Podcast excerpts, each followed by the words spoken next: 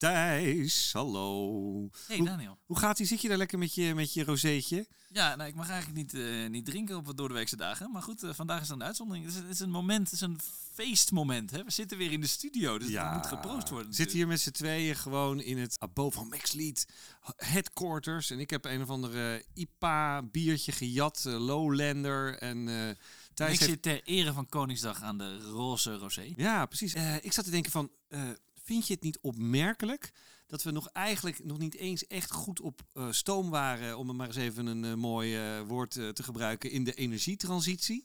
In de strijd tegen de klimaatverandering natuurlijk.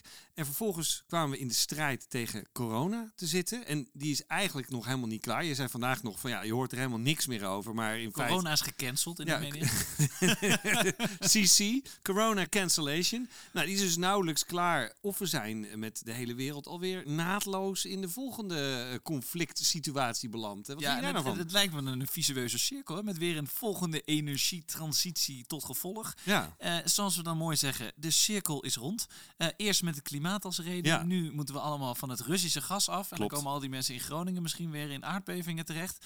Eh, het ironische is trouwens, dat wist jij mij mooi te vertellen, is dat notabene Donald Trump vier jaar geleden op zijn bekende irritante toontje Ja, best wel een had hij. super duidelijke waarschuwing gaf aan Europa en Duitsland eh, in het bijzonder. En eh, ja, kappen met het Russische gas. Jullie worden te afhankelijk van die Poetin, zei hij. Ja, ja, ja, ik heb het filmpje gezien. Het was volgens mij bij de UN. En eh, er waren, een, denk ik, vier, vijf Duitse diplomaten. Die zaten echt zo... die zaten zo een beetje te lachen. Ongeveer recht in zijn gezicht. Nou ja, die lachen nu niet meer. Eh, ja, nee, ongelooflijk. Dus inderdaad dat deze oranje eh, figuur... dat die daar dan toch eventjes de vinger op de zere plek legt... blijkt nu. Ehm, Met de witte vlag, toch? Ging die naar Merkel, vertelde hij? Nou de ja. witte vlag, zo van jullie Nou gaan ja. de witte vlag zwaaien. En dus hadden ze niet wat ze mee moest doen. Precies, had een heel groot, eh, bij de G20 had hij een groot wit servet. En had hij een van die bodes gezegd, breng even dat servet naar Merkel. Die zei, wat wil je met het servet? Hij zei, dat is de witte vlag. Die moet je gewoon wapperen op het moment dat Poetin eraan komt, want je levert je ziel uit. Dus in die zin was het natuurlijk wel een soort van... eh, van eh, Visionair, hè? Die maar goed, we gaan dus van conflict naar conflict. Van strijd naar strijd. Ah, mooi, inderdaad. Ja, en voor vandaag kruisen jij en ik weer eens de degens in deze bakkie. Ja. Binnen het thema strijd. En ehm, een heet thema ook, hè? onder de rook van die, nou, die verschrikkelijke oorlog in het oosten van Europa en Oekraïne. We kunnen gewoon niet om strijd heen momenteel.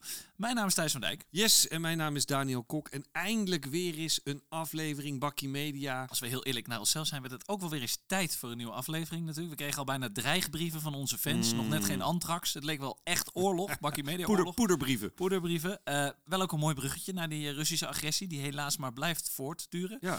Eh, en jij stuurde mij eh, deze week ook een hele interessante video, waarin dieper werd ingegaan op de motieven van Poetin en consorten. Was best wel een kleine video, korte video, Ja, twee minuutjes. lekker snackable content. Ja. Leg even uit eh, voor de luisteraars, hoe zat dat precies in die video? Nou ja, dat is eh, lastig om dat eh, natuurlijk net zo goed te doen als in de video. Dus we willen jullie zeker eh, vragen om het zelf even te bekijken. Nou ja, dus een beetje in het, eh, in het verlengde van het Trump-verhaal. Die had het natuurlijk allemaal een beetje aanzien komen. En eh, wat er in die video werd betoogd, is dat dus die Russische eh, bevolking is dying out. Hè? Die is aan het verouderen. Uitsterven. De Rus sterft ja, uit. ja, en er worden al jaren minder en minder kinderen geboren. En in de tijd van Snap twee- ik ook wel met die lelijke Russische mannen. Nou ja, weet je, het is uiteindelijk zo dat, dat in de Tweede Wereldoorlog was... eh, de gemiddelde moeder had vijf, zes kinderen en nu hebben ze er één of anderhalf. Ja, inderdaad, ja. Ehm, en de leeftijd dat dus men sterft in Rusland gemiddeld is 59 jaar. Dus super jong.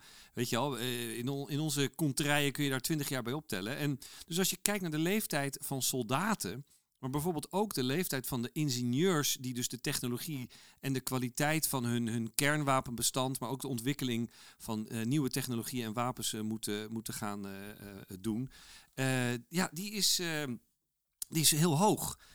En dus, dus die ingenieurs die zijn nu al gemiddeld 50. Dus die zijn echt over een tijdje zijn die er niet meer.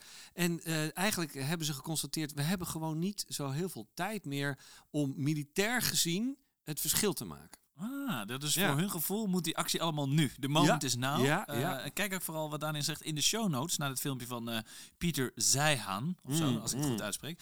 Waar dit dus het heel niet, kort nee. uit wordt gelegd in eh, nou, twee tot drie minuten. En ja, wat ik wel interessant vond toen ik dat filmpje keek, was dat ze zeggen van ja, het doel van die Russen is dus ook om bepaalde strategische corridors weer te herveroveren. Want die hadden ze ooit, lang voor de Koude Oorlog. En ja, dat ze die gebieden weer gaan veroveren.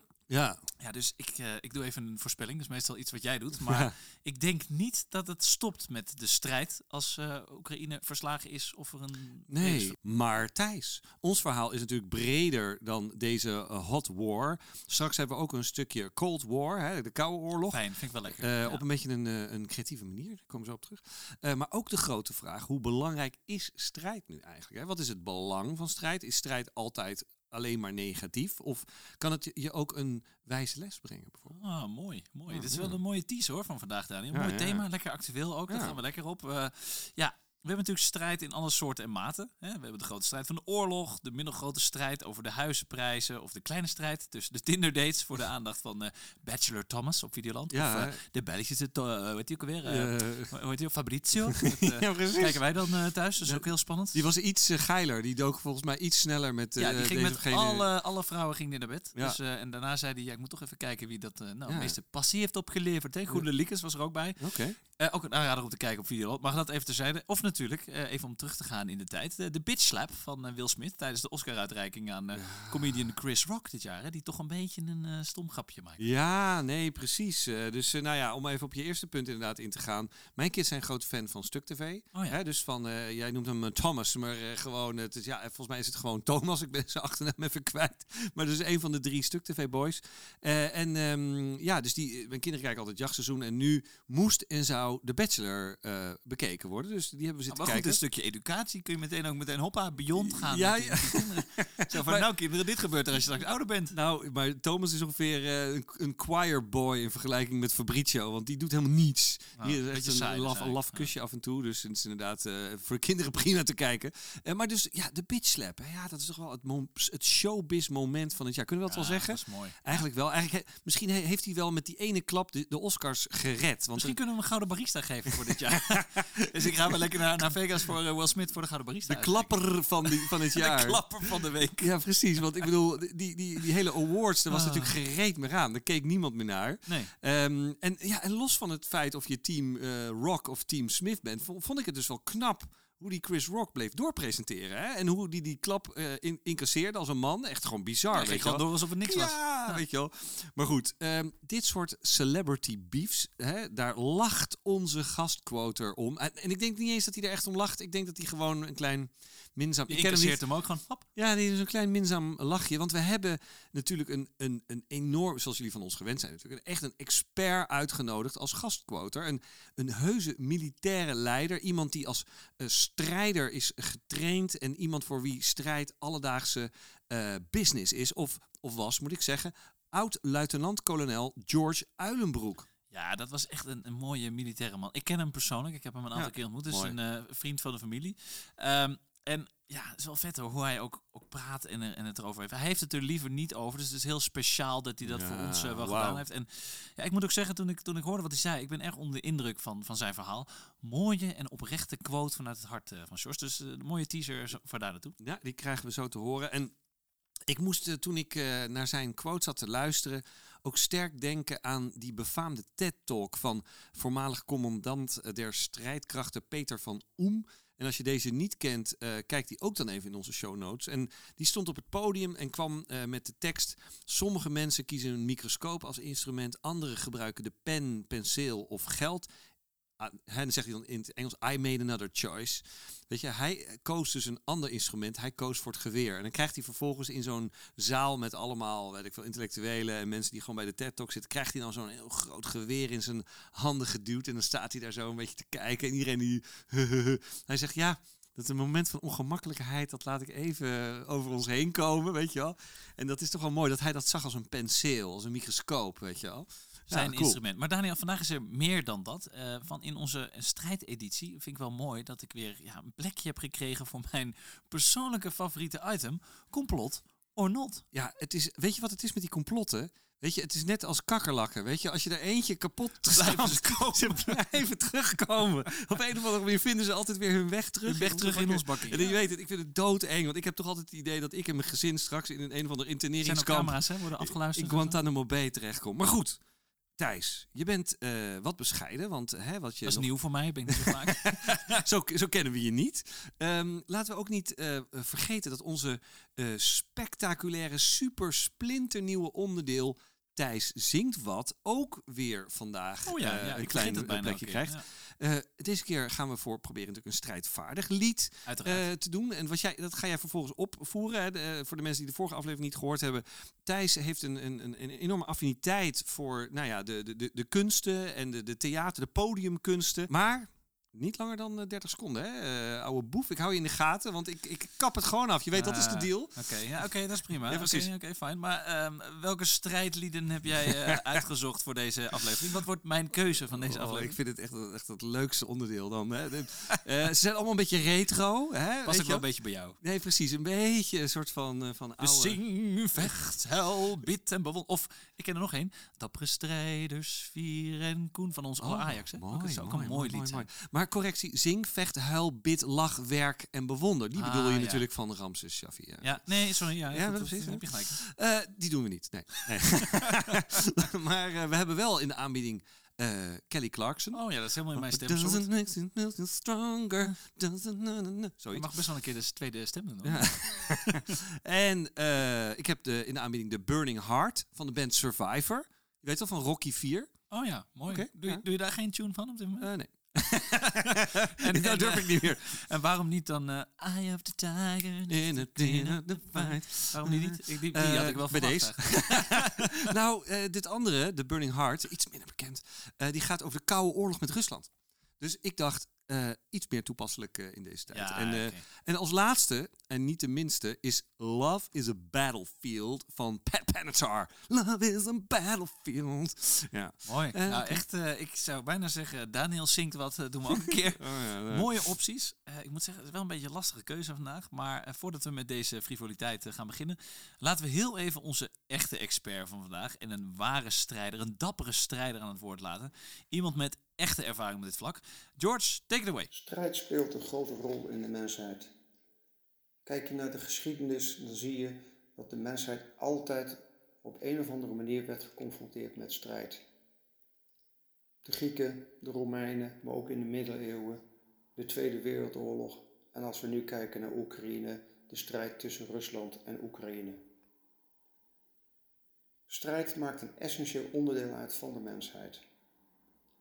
Ik heb dat ook als waarnemer mogen zien in Bosnië-Herzegovina in 1992 toen ik als waarnemer werd uitgezonden. Ik was daar getuige van de strijd op militair vlak, maar ook op civiel vlak. Het maakte een essentieel deel uit van een stuk identiteit van de diverse bevolkingsgroepen die daar leefden. Men wilde eigenlijk de kwaliteit van het leven verbeteren vasthouden, maar ook een identiteit bewaren. Strijd was voor hun essentieel. Strijd is denk ik sowieso essentieel voor de mensheid. Want op die manier kun je toch bepaalde dingen nastreven, bereiken, om uiteindelijk datgene te zijn wat je wil zijn. Strijd brengt ons verder. Kijk maar bijvoorbeeld hoe Nederland uiteindelijk door de geschiedenis is gevormd en wat we nu uiteindelijk zijn als Nederland. Waar we goed kunnen leven, waar de kwaliteit van het leven goed is. Strijd heeft positieve kanten. Maar aan de andere kant denk ik dat strijd ook negatieve kanten heeft. Want de vraag is, hoe ver wil ik gaan met de strijd? Strijd maakt ook veel stuk. En daar moet goed over worden nagedacht. En dat is vaak de gewetensvraag. De gewetensvraag zoals, de, zoals die nu wordt gesteld tussen het conflict Oekraïne en Rusland. Moet het Westen zich inmengen met de strijd? En op dit moment is het antwoord nee, want dan wordt het alleen maar erger. En dat is altijd de gewetensvraag. Het verliezen van de strijd wordt vaak gezien als een taboe, gezichtsverlies. Misschien ben je een loser als je iets uh, niet bereikt tijdens een strijd. Maar aan de andere kant kun je ook vragen van waarom heb ik deze strijd verloren en hoe kan ik uh, dit verbeteren. Er vindt dan vaak plaats een evaluatie van de strijd. Verliezen van de strijd is nooit leuk, maar aan de andere kant, je kunt er wel rijker van worden. Ja, mooi betoog van George, als ik hem zo mag noemen. George, ja, ik zei het ook. George, George, George, meneer, eh Meneer Uilenbroek meneer hemzelf. Uilenbroek himself. Luitenant-kolonel Uilenbroek. Luitenant Uilenbroek.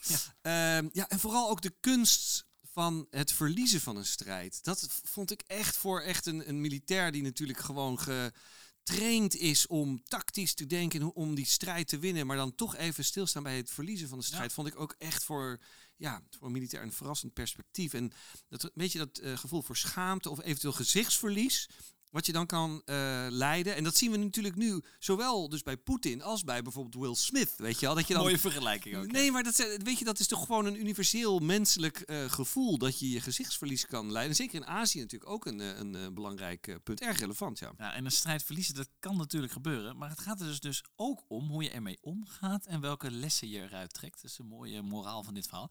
Dat doet me ook een klein beetje denken aan ja, onze alle, allebei eigenlijk wel favoriete serie van Videoland. Special Forces Vips. Ja, mooi. Vriend van de show eh, Roy Meijer, die er onder andere in, in meedoet. Ja.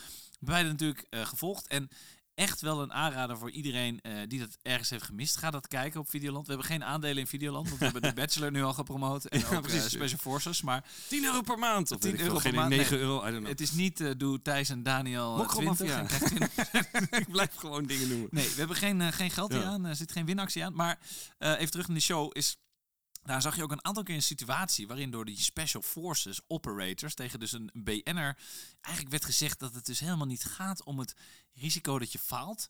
Maar wel dat je dus het maximale uit jezelf haalt en de lering uit. Ja, ja, ja, mooi. ja. En, en, en dat we dus als mensen veel meer aankunnen dan we denken. Hè? Ja. En, eh, maar goed, Thijs, dan hebben we toch wel weer mooi een link gelegd naar media en marketing. Hè? Bakkie Media heten we. eh niks, immers. Eh, hoe zit het daar nou eigenlijk met strijd, eh, Thijs? Nou ja, reken maar dat strijd in ons vak wel vrij eh, gangbaar is. Hè? Winnen, verliezen, dat ligt heel dicht bij elkaar. Ik bedoel, zijn natuurlijk om de haverklap zogenaamde pitches. Waar wij natuurlijk als uh, Beyond ook vaak aan meedoen. Waarmee je een frontale confrontatie met elkaar aangaat. En, nou ja, de ene keer win je. En ja, een soort open strijd om de klant, zeg maar. En soms Ja. verlies je, dan moet je dat ook incasseren als een man. Ja, en ik, wat ik ook zat te denken is, eh, sommige klanten die zijn in zo'n felle concurrentiestrijd verwikkeld ehm, hè, om de klant, dat, eh, dat bij dat bedrijf bijvoorbeeld de naam van de, weet je wel, net als dat je bijvoorbeeld bij, bij Ajax en Feyenoord 020 en 010, dat ze elkaars naam niet eens willen uitspreken. En dat, dat gevoel krijg je ook wel een klein beetje bij eh, bijvoorbeeld de Jumbo en Albert Heijn of bij KPN en Vodafone Ziggo, dat ze het echt een beetje inderdaad over die groene hebben of over die gele of weet ik het wat, dat je het eigenlijk gewoon niet over, over de concurrent eh, kan hebben. Ja, en weet je wat het is? Ik heb dat dus een keer echt meegemaakt in de praktijk. Toen werkte ik in eh, lang geleden, toen ik nog een jong mediamannetje was voor Coca-Cola. En toen had ik dus een keer een blikje Pepsi proef- toevallig op mijn bureau staan. Nou, dat was echt, daar werd ik echt op aangesproken. Dus dat zijn echt van die dingen. Of bij G-Star heb ik ook meegemaakt dat de eigenaar Jos van Tilburg had ik een dieselbroek aan. Mij persoonlijk kwam aanspreken hoe ik het durfde om in het pand een dieselbroek aan te hebben. Dus wat dat betreft gebeurt het dus echt in de praktijk. Maar ehm, er is meer. Kijk, veel merken en bedrijven hebben dus hun eigen battle die ze willen of juist moeten voeren. Als je dus leest over hun strategie, komt er ook in hun terminologie bepaald taalgebruik terug. Dat vond ik wel Oh, interessant. Je hebt bijvoorbeeld de strijd tegen overgewicht. Hè, Ja, wat wordt gevoerd. Ja, ja, ja. Eh, ik kan me een aantal jaar geleden herinneren dat eh, Jamie Oliver nog, hè, de, de strijd aanbond tegen slecht eten op de Engelse scholen. Goed punt had hij daar, heel veel mooie content ervan gemaakt. Eh ander voorbeeld is Greenpeace, die haar pijlen richt op reclamebureaus die fossiele campagnes maken. Ik kwam laatst in het nieuws eh, toen ze het reclamefeestje van de Effies notabene kwamen verstoren. Ja, ja de, ze richten hun pijlen op, inderdaad, reclamebureaus. Ja, dat is ook zo'n zo, beetje zo'n agressieve term. En ik zag op eh, de adformatie bijvoorbeeld ook de tekst staan... ken dit, recht, richt nu haar vizier op buitenlandse expansie. Dat klinkt ongeveer als eh, inderdaad een special military operation, eh, als je het zo eh, uitspreekt, toch? Ja, dat is ook een prachtige koppen. Of wat dacht je van deze? Ik heb er ook nog een paar gescand. Clearasil heeft een nieuw wapen tegen jeugdbuisjes. Gewoon een kernbom of een, inderdaad een, hoe zeg je dat? Napalm tegen jeugdbuizen. nou ja, als die, ja, die jeugdbuisjes ontploffen, is het ook een beetje napalm. Ja, precies. maar wat dacht je van deze? Zalando start nieuw offensief op beautymarkt. Ja, en wat je ook vaak hoort, is dat een bepaald merk of categorie wint terrein, zegt. Dat is ook mooi. is net als Poetin, die wint ook wat terrein in, eh, in Oekraïne. Precies, of, ja. ik heb er nog één. Wat dacht je van deze? De Rijksoverheid zet kattenfilmpjes in, tegen, in de strijd tegen online privacy schending. Wat? Is dit weer een, is dit weer een van je maffe complottheorieën, Thijs? Of is, heb je dit serieus waar? Nou ja, een en soort catfight is het. eh, wat, wat is dit? Nou ja, ik moet je teleurstellen. Eh, dit is echt waar. Eh, nee, dat is echt zo.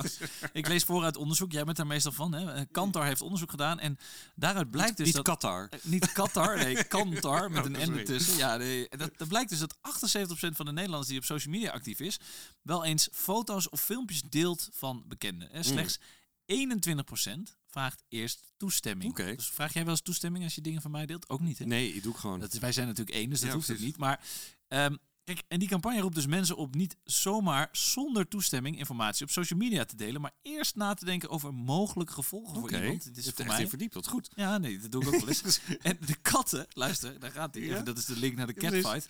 Die zijn dus de onofficiële mascottes van het internet. Hè? De grootste slachtoffers van privacy schending. En daarom is dus gekozen om het centraal te zetten in de campagne. Dus in drie korte interviews vertellen geanimeerde katten hun verhaal. Ja. Echt gebeurd verhaal. Nou ja, kijk, weet je, op zich natuurlijk een hartstikke sympathiek uitgangspunt. Ik denk ook echt dat het, dat het een groot probleem is. Maar wat een rare insteek met die katten, man. Dat, die zijn toch totaal niet de dupe of zo? Weet Katten je hebben ook een hart, Daniel.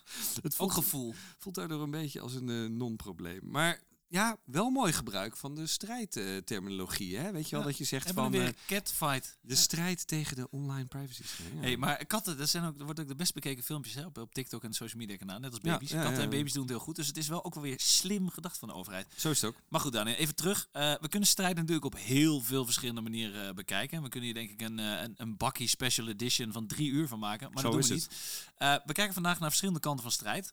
Eh, maar een hele belangrijke strijd die nooit ophoudt, is eigenlijk een beetje de strijd om de waarheid. Oh. En kijk maar naar Rusland, hè, hoe daar Ja. wordt gespeeld met de waarheid, met het nieuws. Want het is eigenlijk de schuld van het- Westen dat Rusland gaat aanvallen. Ja, framing en dingen. Of kijk naar Trump hè, met zijn alternative facts of zijn Ja, eigen social media. nou. Elon Musk heeft nu ook een eigen social media platform. Misschien moeten wij er ook een beginnen. Nou ja, eh, of hè, vergeet niet, corona. Weet je wel, hoe zit het echt? Weet je wel, wat is de waarheid? Miljoenen mensen zijn in toenemende mate wantrouwen gaan ontwikkelen voor hun eigen overheid. Omdat er telkens verschillende eh, ja, nou ja, statements waren over wat, wat nou echt was en wat niet. Of bijvoorbeeld Siewert, hè, die inderdaad de waarheid over zijn echte motieven achterhoudt. Weet Of je. Hugo de Jonge, die daar natuurlijk ook een rol in heeft gespeeld. Ja, het is allemaal heel gek. Maar in dat kader, hè, dat is een mooi bruggetje dat je maakt, is het weer even tijd om het potje te openen. De deksel van de complotte beerput open te trekken, Daniel. Daar gaan we weer. Oh, jezus, daar gaan we weer. Welke rabbit hole gaan we nu weer eh, met elkaar in, in duiken? Wat voor ellende heb je nu weer voor ons in petto? eh, Nou, hou je maar even vast aan je stoel, want daar gaan we weer.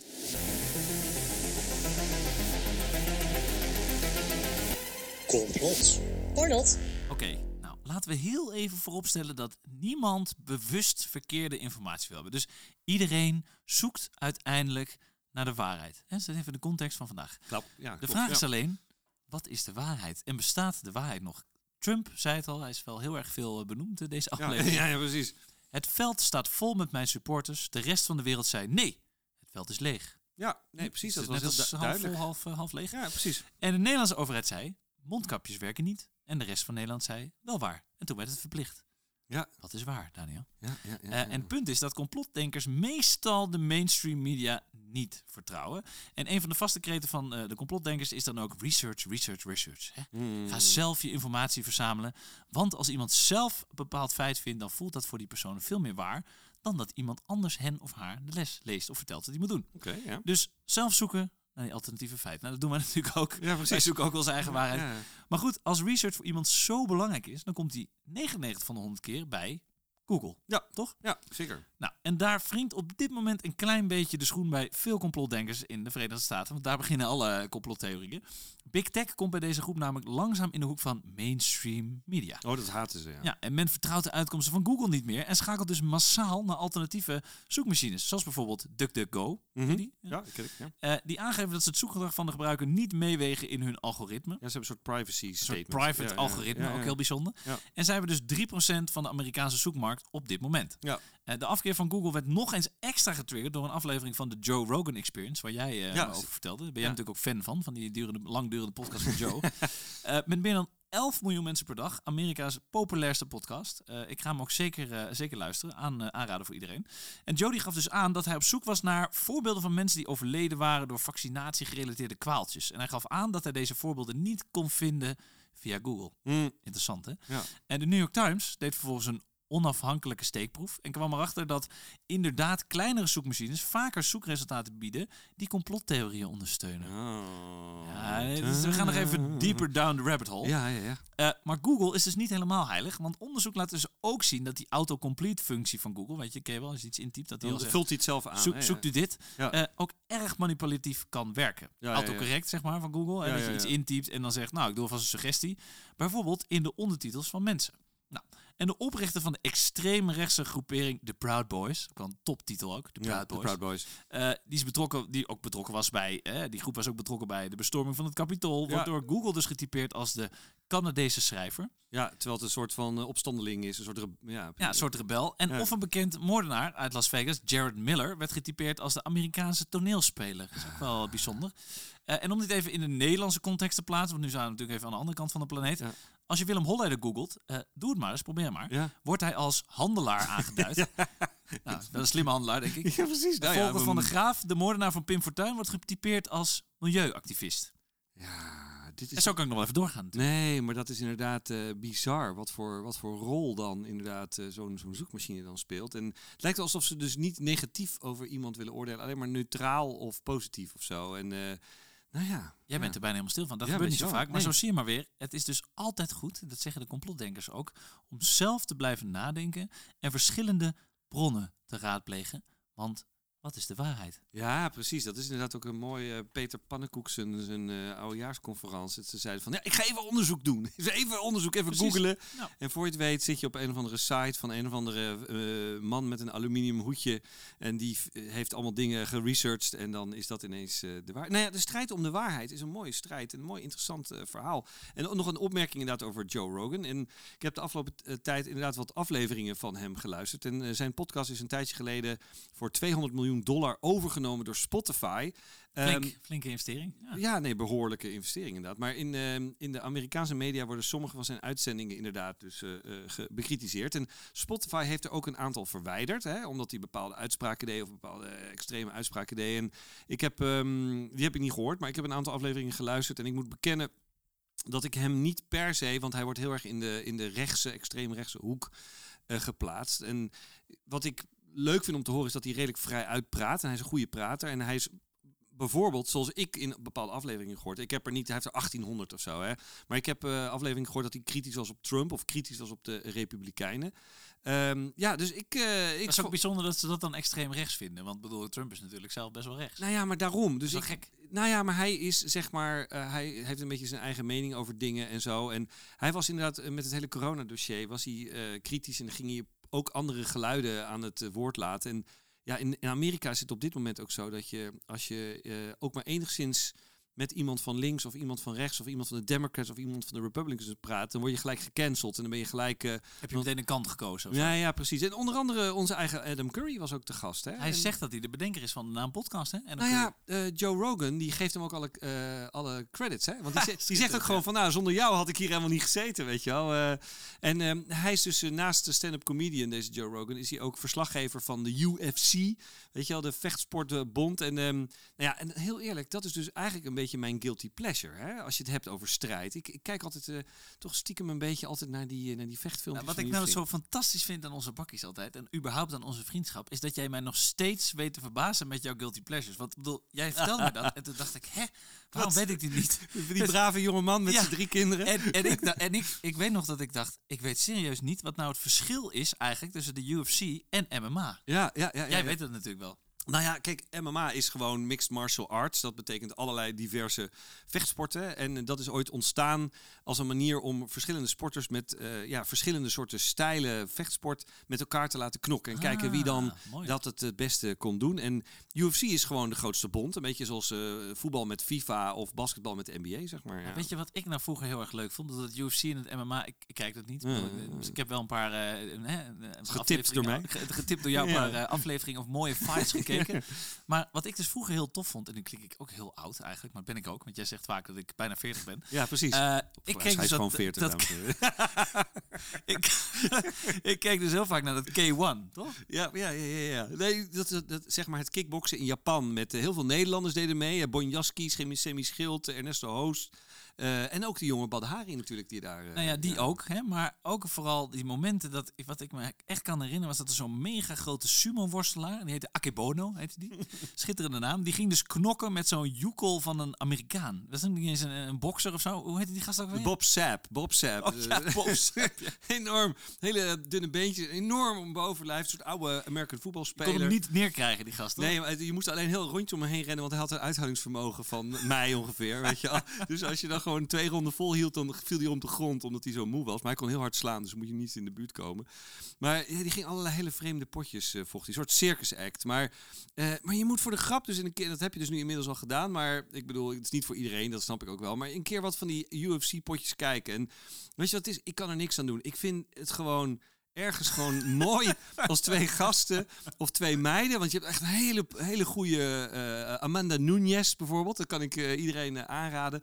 En als ze dan compleet vrijwillig met elkaar de strijd aangaan. En vaak zie je dus ook dat ze elkaar helemaal echt gewoon niet zoals met boksen, gewoon lekker gewoon of judo, maar ze slaan elkaar helemaal aan barrels met tot bloedens toe. En daarna is het gewoon high fives en zijn ze allemaal helemaal blij. Dus het is compleet vrijwillig. En ja, en samen beslissen zij op die dag in die kooi of in die, in die ring wie de sterkste is. Het heeft iets puurs, vind ik. En ehm, ja, ik denk als je als alien op een dag gewoon op aarde landt en je gaat allerlei sporten bekijken om een of andere reden. Ik weet ook niet waarom aliens dat dan zouden doen. maar, en je zit te kijken naar, naar honkbal. Weet je, met honken en dingen. Je begrijpt er helemaal geen... Of turnen. Weet je, al mensen die aan het... Je snapt het helemaal niet. Maar twee gasten die elkaar kapot proberen te slaan. Of twee meiden. Dat is duidelijk, toch? Dat is gewoon dat spelletje. Dat snappen ze wel, denk ik. Nou ja, wat je zegt, ik bedoel, de, wat ik, ik zat van de week, zat ik volgens mij die bokswedstrijd tussen Tyson Fury en die White te kijken. En dat was een beetje, Ja, ook dat was eigenlijk gewoon een beetje, ik mag het niet zeggen, maar ik vond het een beetje, het is zo'n beetje, eh, eh, ik probeer je te slaan, probeer je te slaan. En één Ja. keer raakt hij een boom, knock-out. Maar wel een mooie klap. Wel een prachtige Een klap. uppercut, zoals het In heet. het Ja. kader van de prachtige klappen. Maar waar ik dus benieuwd naar ben, is dat, dat MMA, UFC, wat je Ja. zegt. Zijn er dan geen regels of zo? Hoe werkt dat Nou dan? ja, er zijn dus inderdaad wel regels. Je mag bijvoorbeeld elkaar niet in het kruis trappen. Je mag elkaar geen, ik, ja. eh, geen kopstoten geven. Elkaar niet in de ogen prikken. Weet je, het is niet een straatgevecht. Het is niet dat je ineens een mes mag trekken of zo. Dat je dan, weet je wel, Don't bring a Nee, knife to a gunfight. nee, Zo, precies. ja. Maar, ehm, maar je hebt bijvoorbeeld wel dat een hele goede eh, schopper, een hele goede kikker of een, een bokser. Ehm, dat hij dan binnen 30 seconden op de grond in een armklem ligt of in een verwurging ligt eh, tegen een worstelaar. Weet je wel? En de worstelaars en jiu-jitsu f- fighters doen het over het algemeen vrij goed in deze sport. Ja. Oh ja, dus eigenlijk zou ook Mr. Miyagi of Daniel-san van eh Ja, die- Cobra Kai, die zou ook gewoon heel goed kunnen overleven in de, in de UFC. Nee, die liggen gewoon zo, zo in de nekklem. Dat is echt gewoon, eh, die zijn zo klaar, denk Hey, maar je hebt toch ook die gast, eh, dat is dan mijn, ik, Ja, ik kijk alleen maar naar de mainstream media natuurlijk. Die Colin McGregor, toch? Dat is die eerste gast met een grote bek. Eh, Of, of is die nou ook alweer Nou ja, weet zit je, dat dan? hij is iemand die extreem goed is in het promoten van zijn gevechten. Want hij is zo eh, lelijk en loopt zo te schelden. En hij, hij loopt buiten de ring om. Hij komt altijd in een driedelig pak aan. En heeft hij een knalgroen of blauw pak. En dan gaat hij met zijn zonnebril gaat hij gewoon echt buiten de, buiten de ring om.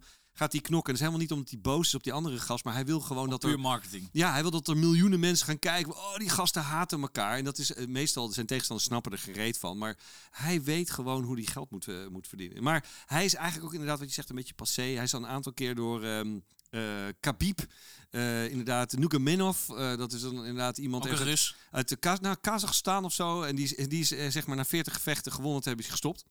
en die heeft dus eh, eh, ook Conor onder, eh, onder andere een paar keer in de nekklem gelegd. En ehm, ja, in, in de zwaargewichtcategorie heb je op dit moment echt een beest van een kerel die kampioen is. Francis Ngannou. Ik, Mooie heb- naam. Ja. ik weet dat jij er ook een filmpje van hebt gezien op mijn aanbevelen. Zo, dat was echt wel hard hoe die viel. zo, nee, maar goed, deze gast die werkte dus vanaf zijn tiende in een zandgroeve in Cameroen. Die zat alleen maar van die grote zakken zand te sjouwen.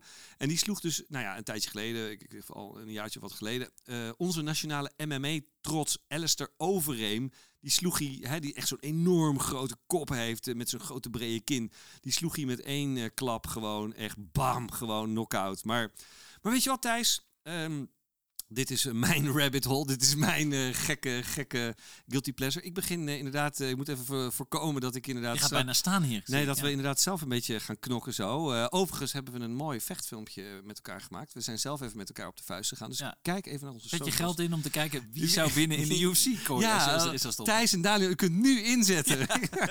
Wij doen verder niet aan betting. Nee, Online betting. maar goed, ehm, we gaan even het, het hele fenomeen strijd door een wat meer artistieke bril kijken. Iets meer, nou ja, in, eerder in de, de podcast hadden we het dus over de strijdliederen. En eh, die jij dus eventueel ten gehore gaat brengen. En dus Thijs, de vraag is, rappapa, rappapa, welke is het geworden? Ik denk Pat Ben- Benatar. Eh, nee, ik denk het niet, Daniel. Oh, nee. Ehm, Oh, ja, kijk, oh. in het thema van eh vechters op azen, een beetje, toch een beetje dat boksen wat je nu bij mij hebt geïnitieerd. Je hebt me helemaal geïnspireerd. Ja, dan kan ik niet anders dan natuurlijk voor het anthem gaan van Rocky 4. Hè? Burning Heart van Survivor.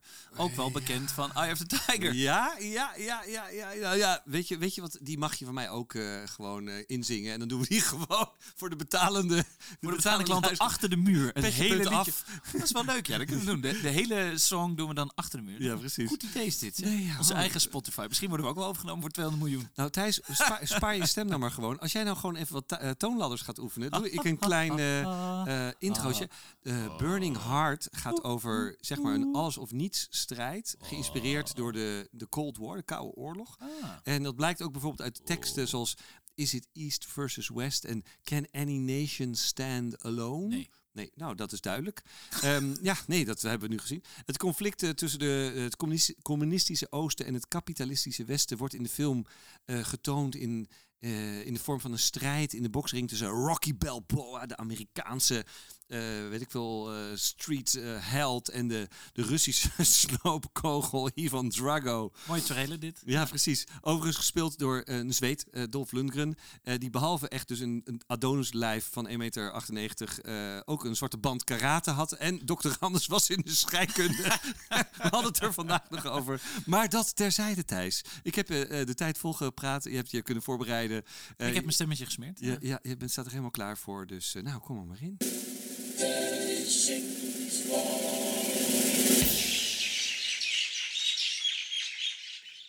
Two worlds collide, rival nations.